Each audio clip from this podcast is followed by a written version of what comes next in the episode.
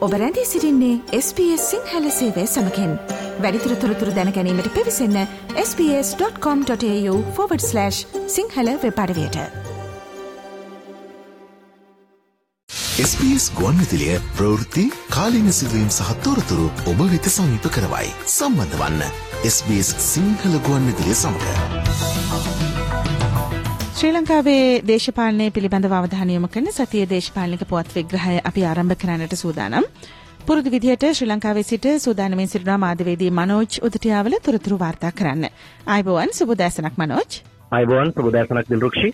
සමස්ත දේශපාලනයේම ක්‍රිකට් වලින් වැහී ගිය තවත් සතියක් විදිහට අපිට හඳුන්වන්නට පුළුවන්. දැන් අපේ ආදරණීය ශ්‍රාවකයන් අන්තර්ජාල මාධ්‍ය හරහා බොහෝ සෙයින් උනන්දු වෙමින් මේ සම්බන්ධව තොරතුරු විමසමින් සිටිනවා කියලා අපි හොඳින්ම දන්නවා. බොහෝ අපේ ශ්‍රාවකයන් මේ පිළිබඳව දැනුවත්. කෙටියෙන් කියනවා නම් මේ වෙනකොට ICC අන්තර්ජාතික ක්‍රිකට් කවුන්සිලේ විසින් ශ්‍රී ලංකාව ක්‍රිකට් තහනමකට ලක් කරලා තියෙනවා. ඉතින් ඊට පස්සේ පසුගිය සතිය පුරාම පාර්ලිමේන්තුවේදී ශ්‍රී ලංකා ක්‍රිකට් පිළිබඳව තිබුණු උණුසුම් කතා බහ තවදුරටත් වර්ධනය වුණා.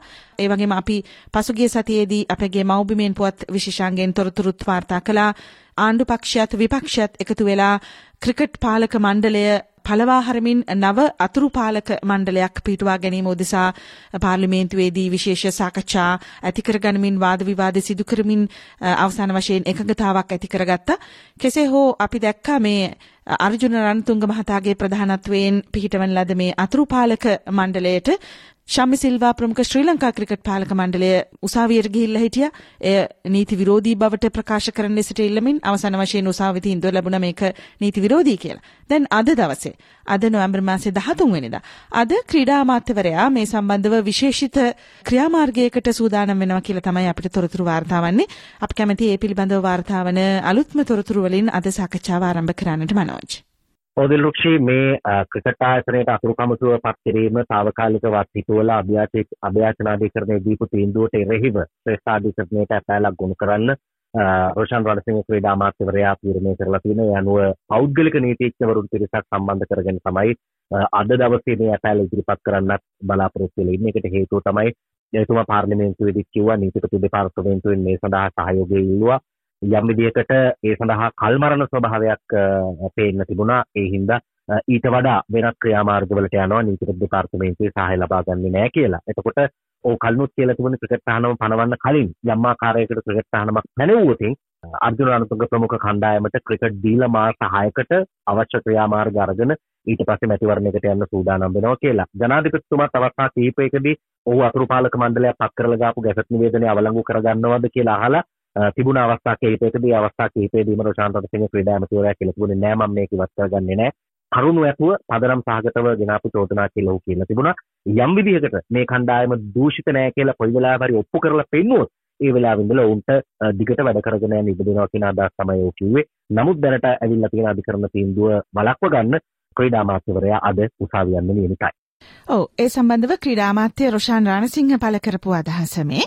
ජාත්‍යන්තරයේ වග කියන මාධ්‍ය වෙබ් අඩවි දෙකක් වෙන ESPN සහ ක්‍රික් ඉන්ෆෝ මාධ්‍ය දෙකම ශ්‍රී ලංකා ක්‍රිකට් ආයතනයේ දුරස්ස ක්‍රමවේදය යටතේ පැවතුණු සාකච්ඡාවේදී ශ්‍රී ලංකා ක්‍රිකට් ආයතනයේ ප්‍රධානියා විසින් සිදු කළ ඉල්ලීමකට අනුව තමයි ක්‍රිකට් තහනම් කළේ කියන එක පැහැදිලිව ප්‍රකාශ වෙනවා. එවැගේම ඊයේ දිනේ පාර්ලිමේන්තුවේ විපක්ෂ නායකතුමාට තොරතුරු ලැබුණා වගේම මටත් ලැබෙනවා සිනමන් හෝටලේ කාමරයක ක්‍රිකට් තහනම් කරන සතුටට ජයපැන් බිව්වයි කියලා. තමන්ගේ රට තහනම් කරන්න කියලා තමා විසින් කියන දූෂිත රට පාවා දෙන ම්ලේච්ඡ කණ්ඩායමක් ඉන්නේ ICC එකෙන් අහන්න ද්වේෂ සහගත ලෙස ඇයි අපිව තහනම් කළේ වංචා ගැන ලියලා තියෙනවා දූෂණ ගැන ලියලා තියෙනවා මේ සම්බන්ධයෙන් ක්‍රියාමාර්ග ගන්න ඕන කියලා තියෙනවා ඉතින් මට හිතා ගන්න බෑ ඩිස්පියුට් රෙසලූෂන් කමිටි එක මෙන්න මේ කමිටියකට අපිට චෝදනා ගොනු කරන්න අපි ඉල්ලීම කරනවා. ඒකට අපි උත්තර දෙනවා. අපි ගත්ත ක්‍රියාමාර්ගවල මොනවද වැරද්ද කියලා. අභ්‍යාචනා කරනවා ICC එකට මේ සම්බන්ධව. එතනින් පස්සේ යන්න අපිට තියෙන්නේ Court of Arbitration for Sports ඩුසාන් වලට යන්න. මං හිතනවා එච්චර දුර යන්න නැති වෙන විසඳ ගන්න පුළුවන් වෙයි කියලා. හැබැයි මේක සුද්ධ කරන්න අවශ්‍ය පියවර ගන්න. ඔව් ශ්‍රී ලංකා කණ්ඩායම පසුගිය සෙනසුරාදා ශ්‍රී ලංකාවට යළිත් පැමුණුණා ඉන්දියාවේ මේ ලෝක කුසලාන ක්‍රිකට් තරඟාවලියට සහභාගී වීමෙන් අනතුරුව එතනදී ඔවුන් ඊයේ දවසේදී අ, ප්‍රවෘත්ති සාකච්ඡාවක් පැවැත්වුවා. එතනදී මහේල ජයවර්ධනට විශේෂිත ප්‍රශ්න ගණනාවක් යොමු වුණා කණ්ඩායමේ තේරීම සහ දක්ෂතා පිළිබඳව. එහිදී ඔහු දීර්ඝ වශයෙන් අදහස් පැහැදිලි කිරීමක් කළා. කණ්ඩායමේ දක්ෂතා එතරම් පෙන්වුවේ නැති එක පිළිබඳව අ, ඔහු පළ කරපු අදහසෙන් යම් කොටසක් මම මෙහිදී ඔබ වෙත ඉදිරිපත් කරන්න කැමතියි. අවුරුදු දෙකක් ප්ලෑන් කරලා මේ ටීම් එක තරඟ 30 ගානකට සහභාගී වෙලා ඔවුන් ජයග්‍රහණය ලබාගෙන ආසියානු කුසලානෙකුත් දිනලේ අනිත් එකේ ෆයිනල් එකට ආවන් පස්සේ අපි හිතනවා අපි ඒ තෝරගත්තු කණ්ඩායම හරි කියන එක. නමුත් එතන ගිහිල්ලා ලෝකෙත් එක ලෝක කුසලානයකදී සෙල්ලම් කරද්දී අනිත් කණ්ඩායම් එක්ක අපි වැරදි කරන එක ඒක ස්වභාවික දෙයක්. ඒ කියන්නේ අපි වුණත් ඕන ක්‍රීඩකෙක් අපි සෙල්ලම් කරන කාලේ වුණත් අපි අතින් වැරදි වෙනවා. අපි කොච්චර දක්ෂතාව තිබ්බත් ඒවෙම අපිට ඕන වෙලාවට ඒ විදිහට කරන්න බෑ. ඒක අත්දැකීම් එක්ක ඒ අනුව එන දෙයක්. ඉතින් ක්‍රීඩකයන් අපි දන්නේ කොහොමද සෙල්ලම් කරන්නේ ටූර්නමන්ට් එකකට ගිහිල්ලා. අපි හදන්නේ හොඳම කණ්ඩායම. කුසලතාවයන් තියෙන හොඳම කණ්ඩායම ඉදිරිපත් කරන්න. ඉතින් ඒ අනුව තමයි තේරීම් කළා ඒ දේ කරන්නේ. ඉතින් ඒ තේරීම් කරලා ඒ දේ කරලා අපි අතින් වැරදි වුණොත් තරඟාවලියකදී ඒක ස්වභාවික දෙයක්. අපි ඒක අත උස්සලා පිළිගන්න ඕනේ. අපි හොඳට සෙල්ලම් කරේ නැහැ කියලා.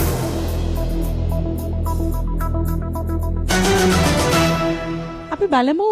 මේක මේ විශාල වශයෙන් දේශපාලනික කාරණාවකුත් බවට පත් වෙලා තියෙන නිසා ආණ්ඩු පක්ෂ විපක්ෂ සහ අනෙකුත් ප්‍රධාන පක්ෂ විශේෂයෙන්ම දැන් මේ වෙනකොට අ, ලෝක කුසලාන ක්‍රිකට් තරඟාවලියට අ, සහභාගී වුණු ශ්‍රී ලංකා කණ්ඩායම ඇතුළු ඒ නිලධාරී මණ්ඩල පෙරේත දවසේ අ, ඒ කියන්නේ සෙන්සුරාදා දවසේ ශ්‍රී ලංකාවට ආවා. ඊයේ දවසේ විශේෂිත මාධ්‍ය හමුවකුත් පැවැත්වුණා.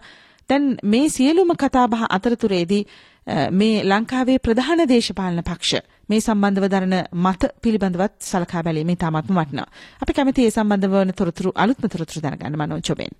විපක්ෂය නියෝජනය කරමින් සජිත් පෙරේමදාස විපක්ෂ නායකවරයාම මේ කාරණේදී සක්‍රියව මැදිහත් වෙනවා අපි දැක්කා. ඒකාබද්ධ යෝජනාවක් පාර්ලිමේන්තුවට ආණ්ඩු පක්ෂය සහ විපක්ෂය එකතු වෙලා ගේන්නත් මූලිකත්වය අරගෙන විපක්ෂ නායකවරයා කටයුතු කළා. එහිදී විපක්ෂ නායකවරයා සඳහන් කළේ ඉන්දියාවේ සහයෝගය අරගෙන ශ්‍රී ලංකා ක්‍රිකට් පරිපාලනයේ ඉන්න අ, ක්‍රිකට් පාලක මණ්ඩලය ශ්‍රී ලංකාවේ ක්‍රිකට් තහනමකට සූදානම් වෙනවා ඒ පිළිබඳව ඔවුන් අ, කුමන්ත්‍රණය කරලා තියෙනවා කියලා සජිත් ප්‍රේමදාස විපක්ෂ නායකවරයා සඳහන් කළා. ඒ වගේම මූල්‍යමය වශයෙන් සිදුවන අක්‍රමිකතා මූල්‍යමය වශයෙන් සිදුවන අක්‍රමිකතා පිළිබඳවත් දැඩි ලෙස චෝදනා එල්ල කරා සජිත් ප්‍රේමදාස මහතා ප්‍රමුඛ සමගි ජන බලවේගයක් මේ විවාදයට එක්කාසු වෙන්නේ. ඔබතුමා හොයලා බලන්ඩ ශ්‍රී ලංකා ක්‍රිකට් ආයතනේ මුදලින් රෙන්ට් එක ගෙවන සිනමන් හෝටලේ හොර දූෂිත කල්ලිය ඒගොල්ලෝ කියලා තියෙනවලු කොහොම හරි ඉන්දියාවේ ෂාට කතා කරලා ඒ 72ක් ඇතුළත ශ්‍රී ලංකා ක්‍රිකට් ජාත්‍යන්තර තහනමකට ලක් කරනවා කිය. ඒ වගේම ආණ්ඩු පක්ෂයේ ප්‍රධාන සංවිධායක ප්‍රසන්න රණතුංග අමාත්‍යවරයාත් සඳහන් කළේ ලංකාවට ජාත්‍යන්තර ක්‍රිකට් කවුන්සිලේ පනවපු තහනම ඉවත් කරගන්න පාර්ලිමේන්තුව ඇතුලේ ඉන් පිටයි ගන්න පුළුවන් හැම උත්සාහයක්ම අරගන්නවා. ඒ වගේම ක්‍රිකට් තහනම ඉවත් කරගන්න ජාත්‍යන්තර ක්‍රිකට් කවුන්සිලයත් එක්ක සාකච්ඡා කරන්න රනිල් වික්‍රමසිංහ මහතා ප්‍රමුඛ රජයේ කටයුතු කරමින් ඉන්නවා. ශ්‍රී ලංකා ක්‍රිකට් ආයතනයේ දූෂිත ආයතනයක් බව අ, රටේ හැම පුරවැසියෙක්ම පිළිගන්න කාරණයක්. ඒ නිසා මේක ජාතික ප්‍රශ්නයක් විදිහට සලකලා පාර්ලිමේන්තුවේ පක්ෂ විපක්ෂ සියලු දෙනා ඒකාබද්ධව අ, ඉදිරියටත් අ, මේ ක්‍රිකට් තහනම ඉවත් කරවා ගැනීම අදාළ කටයුතු වලට වෙහෙසෙනවා කියලා ප්‍රසන්න රණතුංග ආණ්ඩු පක්ෂයේ ප්‍රධාන සංවිධායකවරයා සඳහන් කළා. ජාතික ජනබලවේගය නියෝජනය කරමින් අ, අනුර කුමාර දිසානායක පාර්ලිමේන්තු මන්ත්‍රීවරයා පාර්ලිමේන්තුවට ඉදිරිපත් කළේ අ, ශ්‍රී ලංකා ක්‍රිකට් ආයතනය ජාතික ජනබලවේගයට යම් ආකාරයෙන් මුදල් ලබා දුන්නාය කියන චෝදනාවක් ආවා. ඒකට අනුර කුමාර දිසානායක පාර්ලිමේන්තු මන්ත්‍රීවරයා උත්තර දුන්නා. එතුමා කිව්වේ ටීවී එකෙන් දැකපු අවස්ථාවකදී හැරෙන්න ශම්මි සිල්වා ශ්‍රී ලංකා ක්‍රිකට් පාලක මණ්ඩලයේ සභාපතිවරයාව ඔහු හමු වෙලාවක් දැකලවත් කිසි දිනක නැහැ කියලා සඳහන් කළා. ශම්මි සිල්වා ශ්‍රී ලංකා ක්‍රිකට් පාලක මණ්ඩලයේ සභාපතිවරයාත් මාධ්‍ය හමුවකදී කිව්වා ඔහුත් සමග කතා කරලා අ, ඒ කියන්නේ ඩ්‍රින්ක් එකක්වත් අරගෙන නැහැ කියලා තමයි ඔහු කිව්වේ. ඒකට හේතුව තමයි පාර්ලිමේන්තුවේ තවත් සමහර අයත් එක්ක ඔවුන් එහෙම හම්බ වෙලා විනෝද වෙලා තියෙනවා. නමුත් අ, අනුර කුමාර දිසානායක මහත්මයා හෝ ජාතික ජන බලවේගයේ මන්ත්‍රීවරුන් එහෙම හම්බ වෙලා නැහැ කියලා ශම්මි සිල්වා ශ්‍රී ලංකා ක්‍රිකට් පාලක මණ්ඩලයේ සභාපතිවරයා සඳහන් කළා. ඔව් අනුර කුමාර දිසානායක ටිකක් කේන්තීන් වගේ මේ සම්බන්ධව අදහස් පළ කිරීමකුත් කළා තිබුණා. ක්‍රිකට් බෝඩ් එකට හොරකම ලොකු වුණා ක්‍රීඩාව යට වුණා බෝඩ් එක හොරකම් කරන්න පටන් ගත්තා බෝඩ් එකට එන සල්ලි වලින් පිස්සු නටන්න පටන් ගත්තා රට සවාරි කියලා විනෝද වෙන්න පටන් ගත්තා ක්‍රීඩාව පස්සට ගියා. ප්‍රසන්න රණතුංග කියනවා මොකද්ද? AVP අරමුදලට ක්‍රිකට් බෝඩ් එකේ සම්මි සිල්ව සල්ලි දීලා කියලා කියන්න සාධක තියෙනවද? නෑ මේ මට කවුද කිව්වා? ප්‍රසන්න රණතුංගට කියන්නේ පුළුවන් නම් බෝක එළිය කියපන්කෝ පාර්ලිමේන්තු කිව්වට මුකුත් කරන්න බෑනේ. මතක තියාගන්න.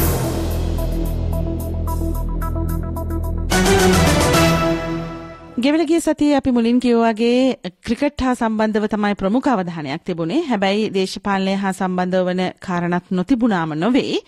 ඒ අතරතුරේදී අපිට වාර්තා වෙනවා යම් අතුරු කාරණාවක් විදිහට විමල් වීරවංශ මහතා ප්‍රමුඛ උත්තර ලංකා සභාගය විසින් ආණ්ඩුවේ ක්‍රියාකලාපයට විරෝධතාව දැක්වීම සඳහා යම් සම්මන්ත්‍රණයක් හැඳවලා තිබුණයි කියලා. එතනදී මොනවද අවධානයට ලක් වෙලා තිබුණු කාරණාව?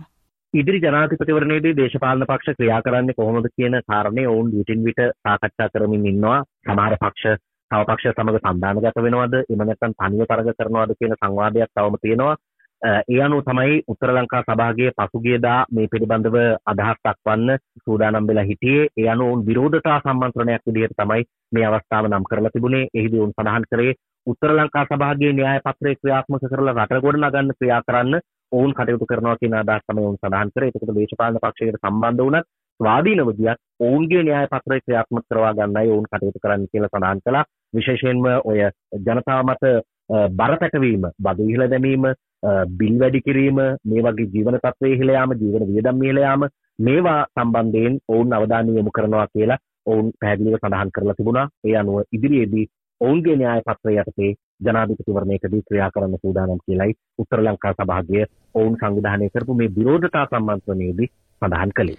හොඳයි එහිදී විමල් වීරවංශ පළ කරපු අදහස් වලින් කොටසක් මේ රිකේනින් ශ්‍රී ලංකා කියලා සරස්මත් මීට කාලයකට කලින් වික්‍රමසිංහ අග්‍රාමාත්‍යවරයා හිටපු ආණ්ඩුවේ අතේ තිබුණා. රටට පෙන්නපු සරස්මක් තිබුණා. රාජ්‍ය ආයතන කොහොමද විකුණන් කන්නේ කියන සරස්මක් තිබුණා. දැන් මේ මුළු මහත් සමාජය වෙලාගත්තු දරුණු ආර්ථික අවපාතය ඔහු පාවිච්චි කරමින් ඉන්නවා මීට පෙර අතේ තිබ්බත් දිකේලි කරන්න බැරි වෙච්ච ඒ පරගැති සැලැස්ම එලන්න.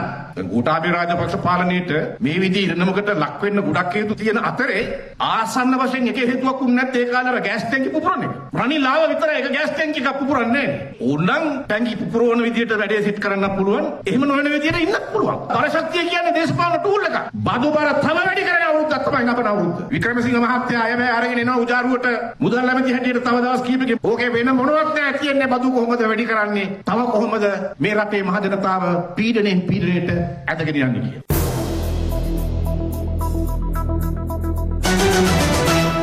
විමල් වීරවංශ මන්ත්‍රීවරයා සම්බන්ධව තවත් තොරතුරක් වාර්තා වෙනව නේද මනෝජ් මේ දැන් අපි දන්නවනේ ඔහුට යම් චෝදනාවක් එල්ල වෙලා තිබුණ අක්‍රීය වුණු විදේශ ගමන් බලපත්‍රයක් භාවිත කළා කියලා මේ හා සම්බන්ධ වන නඩු කැඳවීම පිළිබඳවත් තොරතුරු වාර්තා වෙනවා. කවදද කින්දමන්ද ඒ සඳහා විමල් වීරවංශ මොනවද කියන්නේ ඒ පිළිබඳවත් තොරතුරු දැනගන්න කැමතියි. ඔබේ 2015 මතුවෙච්ච සිද්ධියක් අක්‍රීය ගමන් බලපත්‍රයක් පාවිච්චි කරලා රටයන් උත්සාහ කරලා ආගමන විගමන පනත උල්ලංඝනය කරා කියලා තමයි ඔහුට චෝදනාව ආවේ. ඒ අනුව තමයි ඔහුට එරෙහිව නඩුව ගොනුනේ. ඉතින් මේ සම්බන්ධයෙන් නීති විරෝධී විදිහට සාක්ෂි නැතුව විමල් වීරවංශ වන තමන්ගේ සේවාදායකයාට එරෙහිව ගොනු කරපු නඩුවෙන් ඔවුන් නිදොස් කොට නිදහස් කරන්න කියලා ඉල්ලලා ඔහුගේ නීතිඥවරයා ඊලිමක් කරලා තිබුණ අධිකරණයට කොමුණක් දැන් මේ සම්බන්ධයෙන් වන නඩු විභාගයේ තීරණය නඩුවේ තීන්දුව ලබන 23 වෙනිදා ප්‍රකාශයට පත් කරන්න නියමිතයි කියලා වාර්තා වෙන්නේ මේක දේශපාලනිකවත් කාලයක් තිස්සේ එහෙට මෙහෙට පාවෙමින් තිබුණු කාරණයක්. නමුත් සිද්ධිය තිබුණු උසාවියේ නඩු තීන්දුව යනුව 23 වෙනිදා ලබා දෙන්න නියමිතව තිබෙනවා.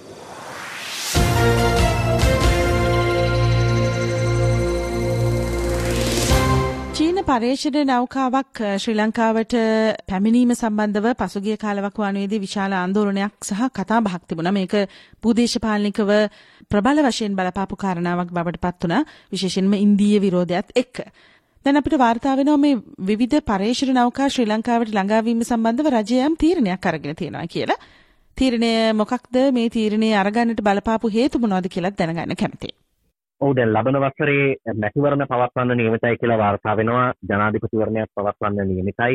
ඒ හින්දා දැන් මේ කලාපීය සහයෝගීතාවයට ප්‍රශ්නයක් වෙන විදිහට විවිධ නෞකා ලංකාවට එන එක බලක්වන්න නවත්වන්න තීරණය කරලා තියෙනවා කියලා මාධ්‍ය වාර්තා කරලා තිබුණා.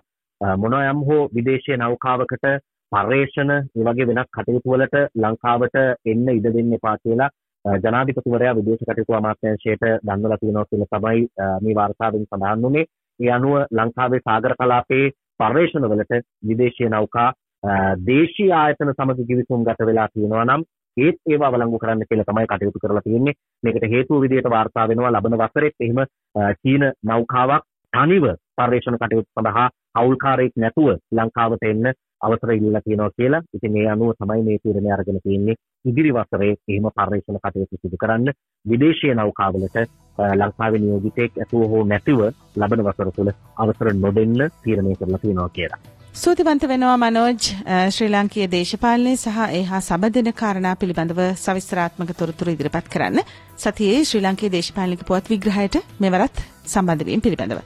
බොහොම ස්තුතියි ආයිබෝවන් අපි එහෙමනම් හෙට දවසේදී මෞබිමෙන් පුවත් විශේෂාංගයේදී ඔබව යලිත් බලාපොරොත්තු වෙනවා. බොහොම ස්තුතියි දෙල්රුක්ෂ ආයිබෝවන්.